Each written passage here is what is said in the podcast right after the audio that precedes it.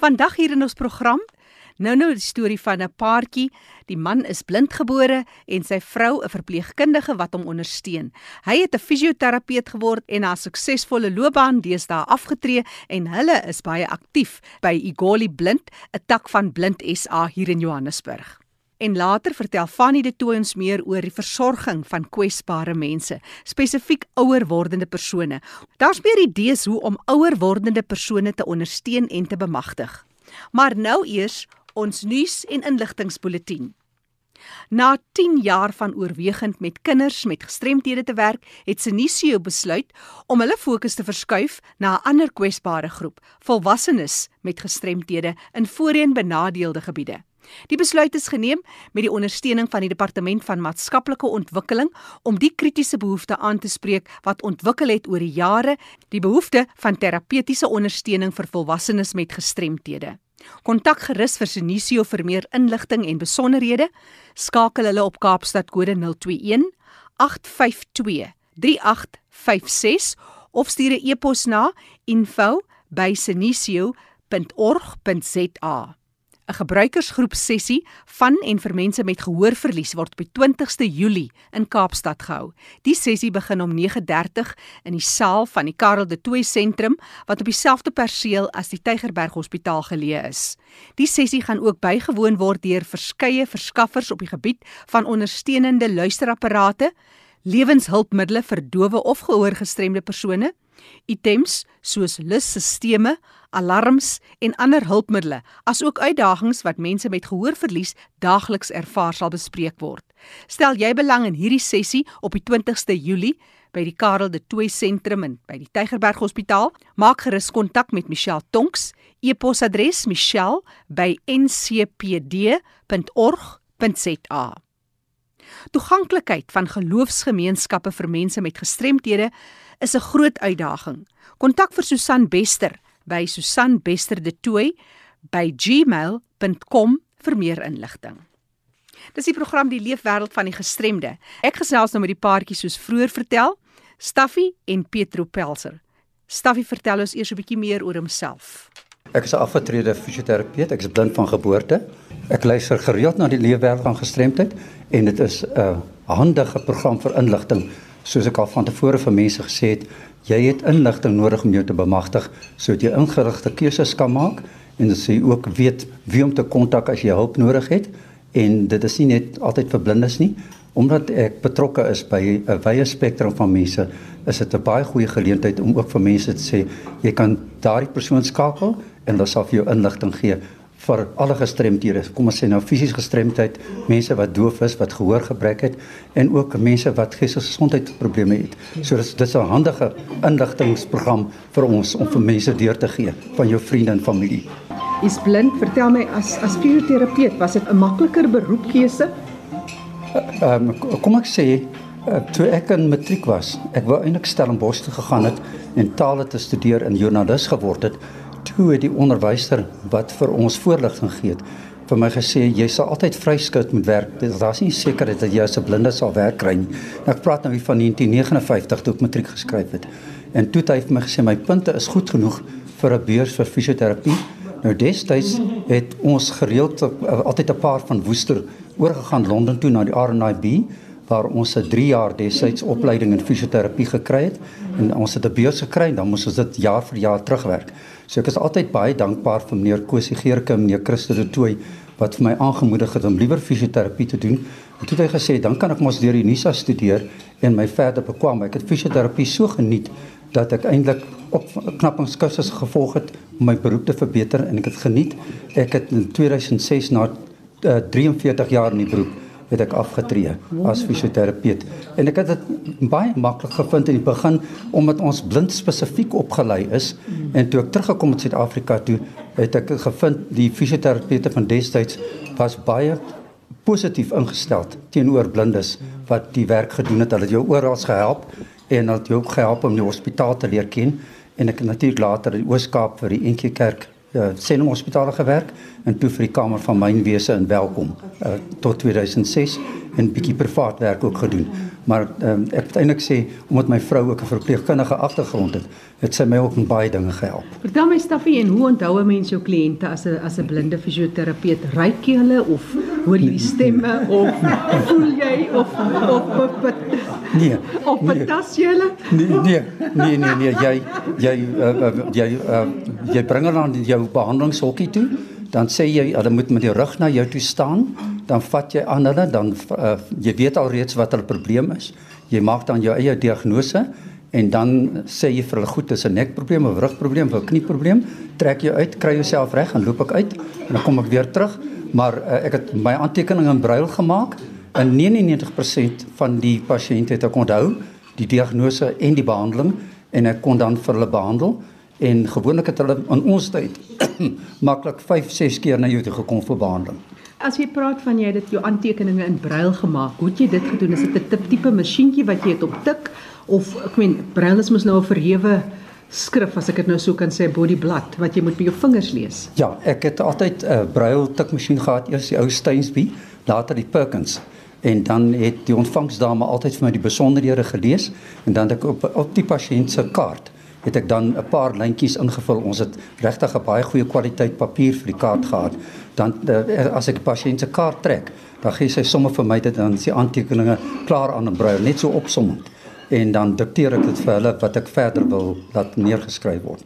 So ek het die braille tikmasjien gebruik destyds en uiteindelik die Perkins ook afgetree in 2006. En jy lees nog altyd gereeld braille? Ek lees gereeld my braille tydskrifte en my Bybel. Ek gebruik baie meer audioboeke op die oomblik, maar braille is nog vir my belangrik, veral tydskrifte, my Bybel en braille. Snapie, maar ek is nou vandag hier saam met julle as 'n groep van Blind SA se Igoli tak en dit lyk vir my iemand soos so Staffie staan terug vir geen niks nie. Jy lewe voluit. Gelukkig is jou vrou nog by jou, kinders is naby. Hoe lewe mens dat jy vrede in jou siel kry vir met met met 'n gestremdheid? Kyk, ek het 'n beginsel, uh, Viktor Frankl wat een van die Auschwitz kan ek sê ehm um, slagoffers was. Hy het gesê jy kan nie keer dat 'n voël oor jou kop vlieg nie, jy kan keer dat hy nes maak in jou hare. So wat hy eintlik gesê het is jy kan nie keer dat jy blind gebore is of dat jy soos ek met my gehoorprobleme opgetel het hier teen einde van my lewe Uh, jy kan nie keer dat sulke dinge met jou gebeur nie. Maar jy kan besluit neem om 'n bestuurder en ook 'n skepper van jou omstandighede te wees. En dan is daar ook baie mense op die pad wat jou kan help, soos my familie, maar ek het goeie onderwysers gehad en baie goeie kollegas wat vir my gehelp het op die pad. Selfs as ek kursusse moet bywoon, het hulle spesiaal moeite gedoen om vir my te laat deelneem en seker maak dat ek toegang het tot die inligting wat hulle gee.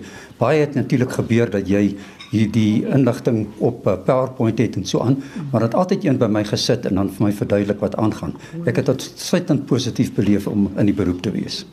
Baie dankie Staffie en uh, met 'n vroutjie wat so geduldig hier lekker goedjies voor jou neersit Petra. Daar was seker ook oomblikke van frustrasie, oomblikke van groot humor. Wat sonder jy uit met 'n lewe met iemand wat blind is? Het jy ooit bekommer oor hoe jy lyk of iets? Ek bedoel, hy kan mos nou nie sien nie. Toe ons ver Toe ons verloof is, het ek vir my vriendinne gesê, ek weet nie wat sien Staffie in my nie. Want toe lag hulle, toe sê hulle, nou maar hy as hy sien dan moet hy voel. Ek dit is dan nie nodig nie. Ek gaan jou verhaaltjie vertel. Ek gaan nou die woord sê toe ek eers 'n keer na familie toe gaan toe sê haar broer vir my ek weet nie wat jy my sussie sien nie. Sê ek ja, sien is glo maar voel is wrag. maar uh, die ondersteuning, wat is van die lesse as jy nou kan sê, Petra, wil jy moet antwoord van met iemand leef wat blind is. Hoeveel kinders het julle en ons het 3 kinders en ons het 7 kleinkinders. Maar weet jy dit is dit is regtig 'n voorreg om met hom getroud te wees. Ek sal nie met 'n ander blinde getroud wil wees nie. Maar ek het vir hom gesê as ek weer kon kies, sal ek hom weer kies. Ons is almal November sal ons 52 jaar getroud wees. Ag wat 'n voorreg. So, dit is 'n voorreg wat ons het regtig. Maar ons het 'n goeie boodskap gekry kort voor ons getroud het. Predikant het vir ons gesê those who pray together stay together. Die wat saam bid sal saam bly. Ja, ek het gesels met Staffie Pelser en sy vrou Petro. Staffie is blindgebore, afgetrede fisioterapeut en hulle wat 'n mooi verhaal met ons gedeel het. Hulle is van Igoli Blind, 'n tak van Blind SA hier in Johannesburg. Dis ERG waarna jy luister. Dis die program Die Leefwêreld van die Gestremde. En nou sluit ons aan by Fanny De Tooy wat juis gaan hoor oor die versorging van kwesbare mense, meer spesifiek ouer wordende persone in ons gemeenskappe. Oor na jou Fanny. Baie dankie Jackie. Vandag se program het ek die voorreg om te gesels met Maggie Botha. Maggie is van die ACVV. Welkom by RC Maggie. Dankie Fanny. Vertel ons net 'n bietjie meer oor die ACVV. Fanny, die ACVV is een van die oudste welstandsorganisasies in die land. Ons is verjaar gelukkig om ons 115-jarige bestaanjaar te vier met 'n kongres wat ons in George gaan hou. En as ek vir jou 'n bietjie meer kan vertel oor ons fasiliteite, ons het 64 residensiële fasiliteite, ons het 39 dienssentrums en ook 67 behuisingsskemas wat nou insluit leefreg, woonstelle en aftreeoorde. Nou hoekom ons vandag in hierdie program gesels is die wetskrif oor die regte van persone met gestremthede is baie duidelik oor die ouer persoon se behoeftes rondom gestremdheid en wat is verouderingsprosesse en wat is dan nou gestremdheid en hoe moet ons dit dan nou aanspreek? Nou wie kan ons meer vertel daaroor as jy self wat elke dag daarmee te doen het? Kom ons kyk 'n bietjie na die risikofaktore rondom veroudering Hoe sien julle dit? Asof jy kan sê dat ons in 2013 hierdie ACVV besluit hulle wil by al ons residensiële fasiliteite 'n opname maak om te kyk die gehalte van sorg en ek moet vir jou sê ons was absoluut verras oor die kwaliteit sorg wat ons ons ons fasiliteite het. Maar daarna het ons besef daar is sekere risiko's wat as 'n mens hulle dalk kan uitskakel, kan jy die sorg nog verder verbeter. So hierdie risiko's wat ek vandag met jou gaan bespreek, is nie deel van die normale verouderingsproses nie. Ja. Normale veroudering is fisiologies van aard, maar hierdie sies kan 'n mens definitief uitskakel en dan probeer om die lewenskwaliteit van van ouer persone te verhoog asook om hulle onafhanklikheid te behou.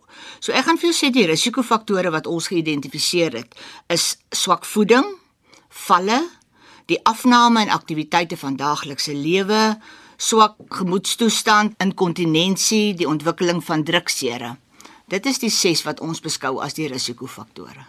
Baie interessant, uh, Maggie, ja, die risikofaktore wat jy vir ons uitgewys het. Nou ek weet uit 'n gehoorgestremde perspektief. Dit is baie duidelik dat as 'n mens byvoorbeeld gehoorverlies het, 'n matige gehoorverlies, kan veroorsaak dat 'n mens se kans om te val byvoorbeeld drievoudig vermeerder as gevolg van die balans wat daarmee saamgaan of kan saamgaan. So dit is byvoorbeeld 'n groot uitdaging rondom gehoorverlies en impak en ook op die bejaardes. Nou, kom ons praat oor valle. Dit is 'n groot uitdaging. So dis belangrik om te hou dat jonger mense val ook, maar ouer persone is baie meer geneig om te val as gevolg van 'n verskeidenheid faktore, soos byvoorbeeld akute of kroniese siektes en baie ouer persone gebruik ook medikasie.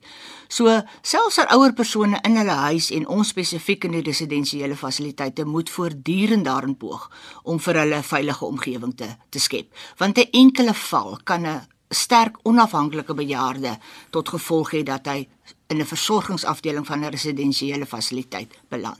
En daar's ook groot kostes verbonde aan valle. En die oomblik as 'n ouer persoon val, is daar baie ander faktore. Hy is bedgebonde, sy sosialisering neem af en en het ook groot mediese kostes wat dit inhou. Ja, die mobiliteit word aangeraak dan in die geval wat natuurlik die gestremdheid tot gevolg het. En dis hoekom ons belangrik het ons te praat oor die ouer wordende persoon rondom gestremdheid en ook soos ek in die begin gesê het waar die wetskrif baie duidelik is om te kyk na gestremdheid en dan hierdie risiko's wat ons nou dan ook ter sprake is. Jy het net genoem van voeding. Voeding is natuurlik 'n groot saak ook wat belangrik is Ja, dit gebeur dikwels dat veral ouer persone wat alleen woon, hulle self nie meer so goed voed nie. So in die fasiliteite probeer ons regtig die voeding op 'n goeie standaard hou. Die die afname in voeding het tot gevolg dat ouer persone verswak en dit weer die geval daarna dat hulle maklik val. So ook het wanvoeding wat het 'n klomp faktore dat byvoorbeeld wondgenesing vind stadiger plaas. Hulle ontwikkel ook infeksie baie keer en druksere. So voeding speel 'n geweldige belangrike rol en ek dink as elke ouer persoon moet kyk dat hy te alle tye goed gevoed is. Ongelukkig in Suid-Afrika met die finansiële situasie is baie van ons ouer persone nie altyd finansiëel daartoe in staat om hulle self goed te voed nie. Ja, dit is net tragies as mense so dink daaroor. Dis Maggie Botha van die ACVV wat ons gesels in ons program oor die lewe wêreld van die gestremde. Ons kyk na die uitdagings van die ouer persoon en wat gestremdheid tot gevolg kan hê en watter toestande dit tot gevolg kan hê. En uh, natuurlik as 'n mens ouer word, die gemoed speel 'n groot rol. Die gemoedstoestande. Ons gaan in 'n latere program bietjie gesels oor depressie spesifiek, maar wat is jou mening oor die gemoed? As 'n ouer persoon mismoedig voel, het dit ook 'n groot e- effek op sy algemene funksionering. Hulle onttrek hulle dan sosiaal van ander ouer persone en hulle bly gewoonlik maar tuis. So dit het hulle hele funksionering, dit het 'n afname in hulle lewenskwaliteit en dis regtig belangrik dat ouer persone wat enige vorm van 'n gemoedversteuring het, dat hulle sal uitreik vir vir terapie of vir mediese hulp. Nou die wat van ons dit nou nie so goed ken nie, is 'n kwessie van inkontinensie, 'n groot saak. Maar sê net vir ons luisteraars, hoe moet ons dit verstaan? Wat bedoel jy as ons sê inkontinensie probleme? Dit is ouer persone wat en dit gebeur met jonger persone natuurlik ook wat probleme het met blaasbeheer. En omdat dit 'n 'n toestand, 'n siekte toestand is wat ouer persone skaam voel oor, reik hulle baie baie moeilik uit vir hulp. En dit het ook gevolg dat hulle baie baie sosiaal onttrek en meestal in hulle huise wil wees en en daar is soveel inkontinensieprodukte op die mark wat hulle regtig moet probeer gebruik om te verseker dat hulle nog 'n normale lewe kan lei en uit uitgaan en deelneem aan aktiwiteite buite die huis. Ja, maar dit is wat die inperking wat ter sprake is rondom gestremdheid. Ja. Mense kan nie meer sosiaal interaksie hê met die breë gemeenskap nie ja. en alles nie wat daarmee saamgaan. Nou, dit is ook julle lese om mense te stimuleer om die noodsaaklikheid van die uitvoering van daaglikse aktiwiteite van die daaglikse lewe steeds te doen solank hulle kan. Wat is julle siening rondom dit? Ja. As 'n mens kyk na ouer persone self, moet hulle so lank as pro moontlik probeer om alles wat hulle elke dag vir hulle self kan doen om dit te, te doen. In die residensiële fasiliteite moedig ons ook die versorgingspersoneel aan om nie alles vir die ouer persoon te doen nie, maar saam met hom, dat hulle ook nog verantwoordelikheid kan aanvaar om selfsorgtake te doen. Dit is regtig baie belangrik dat hulle sal aktief besig bly en en dit ontwikkel hulle en dit het 'n goeie bydrae tot hulle algemene fisiese gesondheidstoestand. Maggie, uh, jy het net genoem van die mobiliteit wat aangeraak word in persoonsbeweeglikheid. Ek wil praat oor hulpmiddels gou net. Ek dink nou vinnig aan hoe beskikbaar is hulpmiddels as ons kyk na spesifiek mobiliteit, rolstoele, looprame, krikke. Is dit vrylik beskikbaar vir die ouer wordende persoon in die algemeen in Suid-Afrika? Wat is julle ervaring by die ACVV? Ek sal ek sal sê in ons fasiliteite is ons goed toegerus met alle hulpmiddels wat die inwoners daar nodig het en ek dink in die algemene publiek is die hulpmiddels ook beskikbaar. Dis dis miskien baie keer duur, maar dit is tog beskikbaar. En as allerlei organisasies wat op 'n tydelike basis ook hulpmiddels uit uitreik vir, vir ouer persone wat net uh, skielike siekte toestand het waarvan hulle weer kan herstel. Hoe kry julle hulp van die staat natuurlik en subsidies ook vir die saak of is dit meer vir poste wat julle subsidie ontvang? Ons kry meer per inwoner subsidie per inwoner per inwoner subsidie om om hulle te help met hulle logisiekoste so die fasiliteite moet maar uit eie fondse die hulpmiddels aan, aankoop. Nou hoe kry julle fondse? Is dit fondswerwing eh, ja. bykomend tot die subsidie en dan die losiesgelde wat die wat die inwoners ja. self betaal. Dis maar die basiese bronne van inkomste. Saam met die die uitdagings rondom mobiliteit, die beskikbaarheid van hulpmiddels en die impak wat dit het op die persoon is natuurlik een groot uitdaging en dit is druksere. Ja. Wanneer ontstaan 'n drukseer en as mense nou luister vandag, wat moet hulle onthou? Is miskien maar nie om by die huis waar 'n bejaarde tans woon. Wat moet mense 'n gedagte hou ja, rondom hierdie saak. As ek vir jou voorbeelde kan noem in die verlede van mense wat geval het en dan vir 'n lang tyd bedgebonde word. 'n Drukseer ontstaan maar van van 'n drukking op spesifieke dele wat nou aan die bed raak en dan ontstaan die drukseer. So, dis 'n baie belangrike ding wat ten alle koste moet probeer voorkom word. Want want drukseere het ook infeksies tot gevolg wat weer die algemene gesondheid van die ouer persoon benadeel. En hoe lank kan dit 'n persoon uit die stelsel neem? Hoe lank vat 'n drukseer om son te word? Daar is verskillende fases van drukseere. Die meeste raak redelik gou gesond, maar daar is ook drukseere wat wat regtig so sleg is dat hulle moet mediese chirurgiese ingryping het om heeltemal te herstel. Nou wat kan iemand wat nou 'n jaarde persoon by die huis het doen om seker te maak dat hy drukseer vorm nie? Is daar terapie wat hulle kan doen by die huis self oplet vir rooi plekke?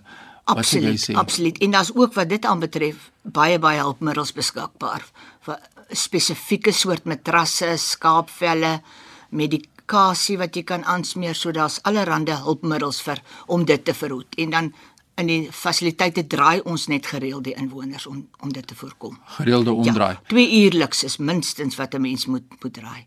Maar daar's nou fantastiese nuwe matrasse op die op die mark wat werk met ligdruk wat sekere plekke die druk verlig en dan verhoog op ander plekke om ook nie 'n iwerredige verspreiding van druk op die liggaam te kry.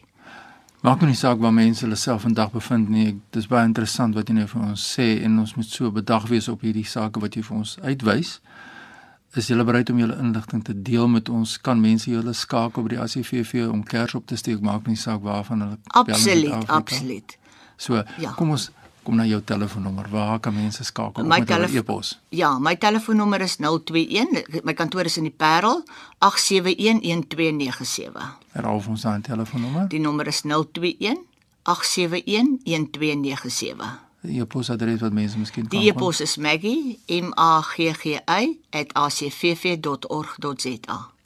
Maggie, julle doen wonderlike werk in Suid-Afrika vir die ouer persone in Suid-Afrika en uh dis was 'n voorreg vir my om met jou te kan gesels oor die uitdagings. En volgende week wil ek met jou verder gesels spesifiek nog oor hierdie saak en dan moet ons kyk wat baie nou saamgaan natuurlik met die ouer persoon is demensie en ek wil met jou gesels daaroor. So iemand gerus ingeskakel bly. Volgende week selfde tyd hier op RSG dan gesels ek verder met Maggie Botha van die ACVV oor demensie Maggie baie dankie dat jy saam met ons gekuier het. Baie dankie Fanie dit was lekker Jackie voor ek teruggaan aan jou in Johannesburg. My e-posadres is fani.dt@mweb.co.za. Groetens uit Kaapstad.